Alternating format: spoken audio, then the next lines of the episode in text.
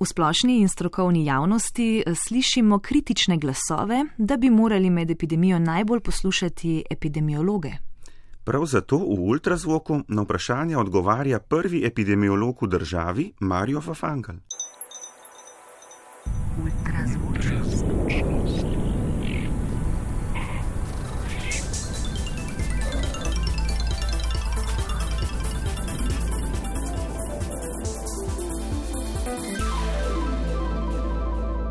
Ultrazvok. Delta na Hrvaškem, v Italiji, tudi v Sloveniji, ali to, da pri cepljenju zaostajamo za povprečjem Evropske unije. Doktor Fafangal, katere teme se lotiva najprej, na kaj je v tem trenutku treba opozoriti? Najbolj aktualna tema je precepljenost in kako jo čim hitreje dosežeti. Torej najprej o cepljenju. Kako vi gledate podatke o cepljenju v Sloveniji? Zanima me, kateri je po vašem mnenju najbolj problematičen?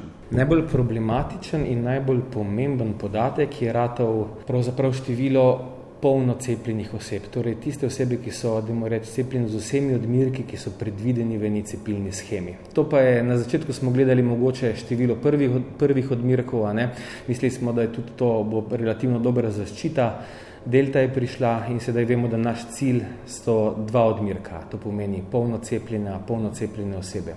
Problematična pa, problematično je pa prvi odmirek, ne, pravzaprav, kako, ko vidimo število na novo cepljenih oseb, številke padajo pravzaprav. Pomeni, da število oseb, ki se na novo odloča, sedaj tega tiste hitrosti, ki jo pa ima širjenje same delte. Pravzaprav je tek, ne, proti enemu virusu, ki bo rata v eni različici, ki bo rata prevladujoča. To ni vprašanje če, to je samo vprašanje kako hitro in če bomo mi uspeli dovolj hitro cepiti. To pomeni, da je čas za razmisliti o pristopih, klasičnih, pa v času krize kakšenkrat tudi malček izven standardnih okvirov, kako res to precepljenost dosežeti. Kakšen pristop vi priporočate? Idealno, ko imamo čas, je pač graditi. Ne? Graditi ta socialni kapital, to socialno vrednoto, ki je cepljenje in na takšen način pač opolnomočiti ljudi, da se o tem odločajo. To je, to je klasično, to rabi, zato rabimo tudi čas. Ne?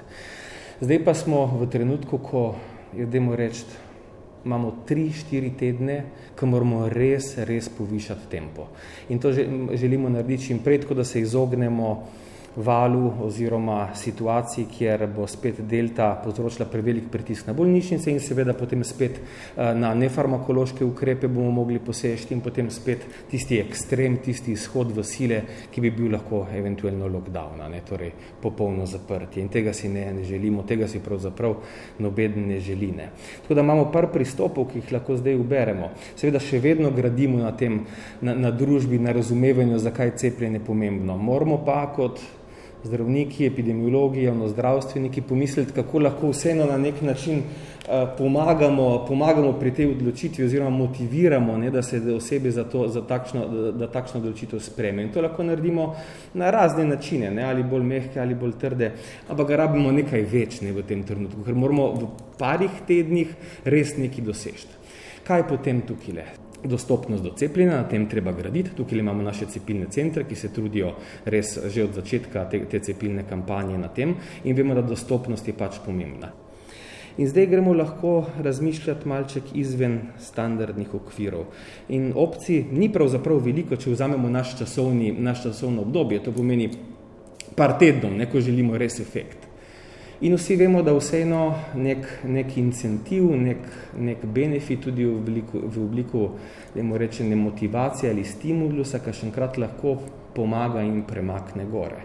Grki so se tega recimo šli, ne, so pomisli, kako premakni to cepljenje in ta uptake, to, to precepljeno zvišati v tej mladi populaciji in so nudili nek, uh, nek stimulus, dejansko finančen govorimo, mislim nekaj čez 100 evrov. To javno zdravstveno je sporno področje, etično, spolsko. Ne? Ampak smo v zelo, zelo kritičnem trenutku in mogoče moramo razmisliti tudi kako. Tle največji problem, ki jaz vidim v takšnem pristopu, je, da mora biti vsem jasno, da če se bi že lotili kaj takega, ne plačujemo ljudi za to, da bi sprejeli eno tveganje, ker ni to, ni kompenzacija za to, da ti spremeš nek riziko, ker rizika ni pravzaprav, riziko je to, da zboliš.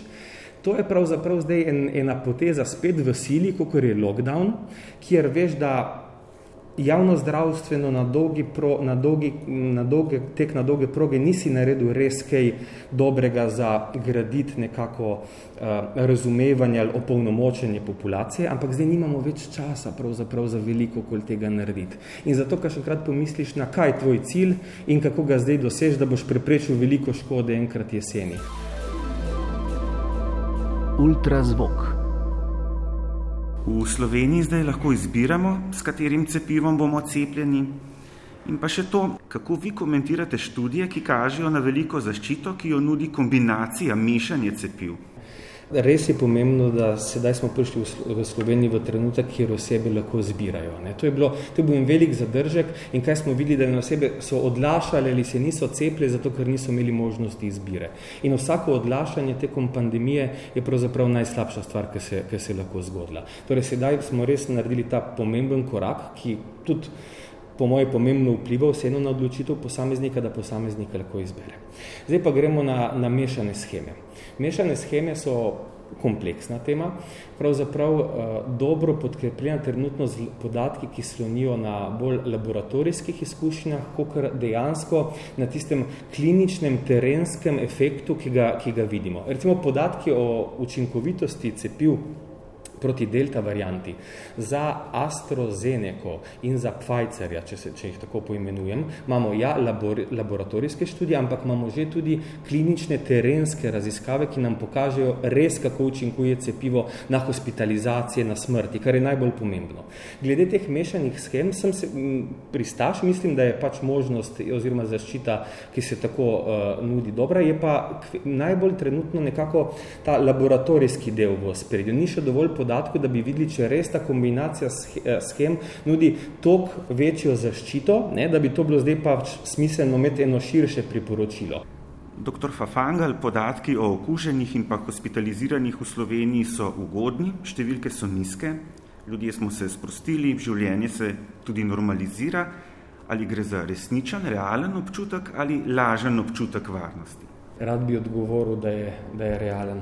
Ampak v resnici gre malček za en lažen občutek oziroma za eno kombinacijo dejavnikov. Eh, ne glede na to se je pokazalo, da SARS-CoV-2 ima neko sezonsko gibanje.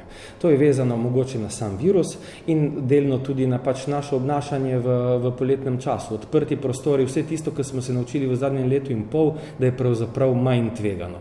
To pomeni, da ta občutek dopustniški, ki ga imamo zdaj, je malček zavajujoč in najbolj, najbolj nam daja do ene mere takšen občutek varnosti, da mogoče ne vidimo pač tisto cepljenje kot zdaj tako relevantno, kot smo ga videli pred mesecih, ko, ko cepivo ni bilo, ni bilo na voljo. Največja težava isto je tale, da, da ko bo pač ta, to tveganje oziroma ko bo jesen tukaj zaprti prostori in seveda pričakovano pri virusu, ki je praktično sedaj endemičen, pričakovan porast, ne okuž, upam ne hospitalizaciji, ampak porast okužb, takrat, takrat je že malo pozno ne, za, za, za dosež tisto optimalno zaščito s cepljenjem. Zdaj je, zdaj je tisti pravi trenutek, zdaj je tisto, kar moramo motivirati.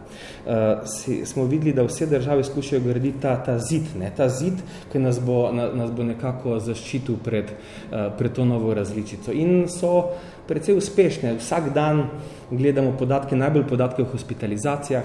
V Združenem kraljestvu so primeri šli sonkovito gorol, hospitalizacije so bile precej stabilne, zdaj malo spet poraščajo, to pazljivo spremljamo, te dni to bo, to bo ključna informacija, na katerem bomo lahko potem naslednje, naše naslednje korake tudi v Sloveniji gradili.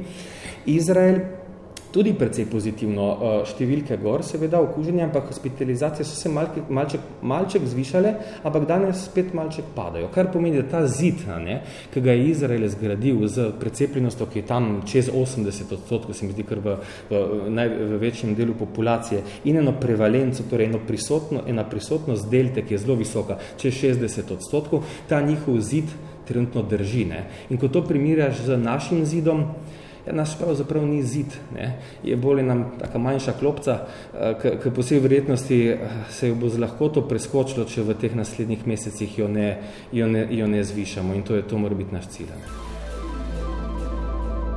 Ultrazvok. Doktor Fafangel, med prvim in pa drugim valom smo podarjali velik pomen testiranja.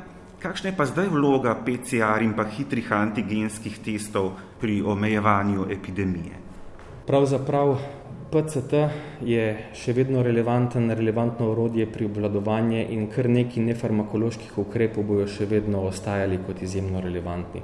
Če vam dam tri, tri, tri koncepte, ki bojo ključni v naslednjih mesecih za obvladovanje te epidemije. To je, to je pravzaprav testiranje, to je cepljenje in to je še vedno, tako da bomo pripravljeni grajenje bolnišničnih kapacitet, da smo pripravljeni k eventualni obravnavi primeru, če bi do takih porastov prišlo. In testiranje in nasploh PCT je nekaj, ki je, ki je zelo specifičen ukrep ne za ta virus, druge, druge bolezni. Niso imeli take potrebe, da mu reč po množičnem, ponavljajočem se testiranju populacije, ampak tukaj pa ne. To pomeni testiranje in opolnomočenje populacije najbolj v obliki ene dostopnosti do samotestiranja, ker ta, ta res, ne, ta res da, da um, možnost obladovanja epidemije populaciji, plus pa razbremeni zdravstveni sistem, če lahko ti test samo doma opraviš. Torej, to, to je tisto, kar bo treba nadgrajevati. In še nekatere druge nefarmakološke ukrepe, s katerimi kljub temu kupujemo še vedno čas za tisti, naši, za tisti naš zid. Ne. To pomeni tudi iskanje stikov, to pomeni po možnosti, moja želja ostaja še vedno en, en močen potisk na digitalizacijo iskanja stikov in ponovnem, prav ponovnem zagonu bom tukaj rekel, zato ker res aplikacija ostanje zdrav, torej aplikacija, ki bi nas obveščala o teh tveganih stikih na en varen, anonimni način, rabi en ponoven zagon za biti epidemiološko relevantna, varne šole, to je tudi en, en, en ključen dejavnik, ki ga bomo, se, s katerim se bomo spopadali jeseni.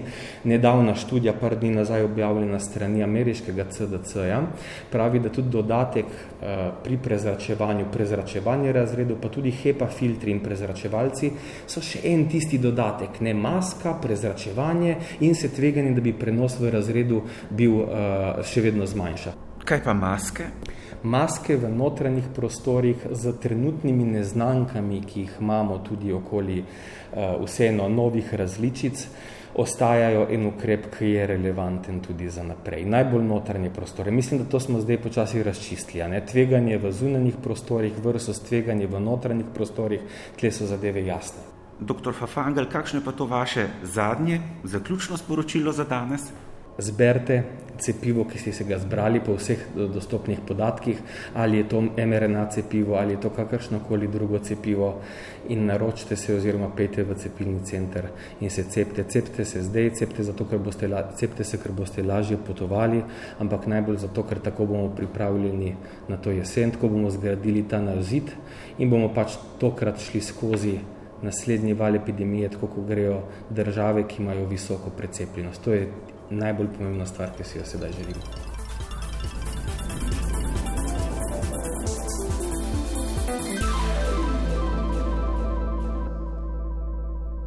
Ultrazvok najdete na spletu radio1.si in v vaši aplikaciji za podkaste. Prihodnji četrtek prisluhnite pogovoru z Nobelovim nagrajencem za medicino.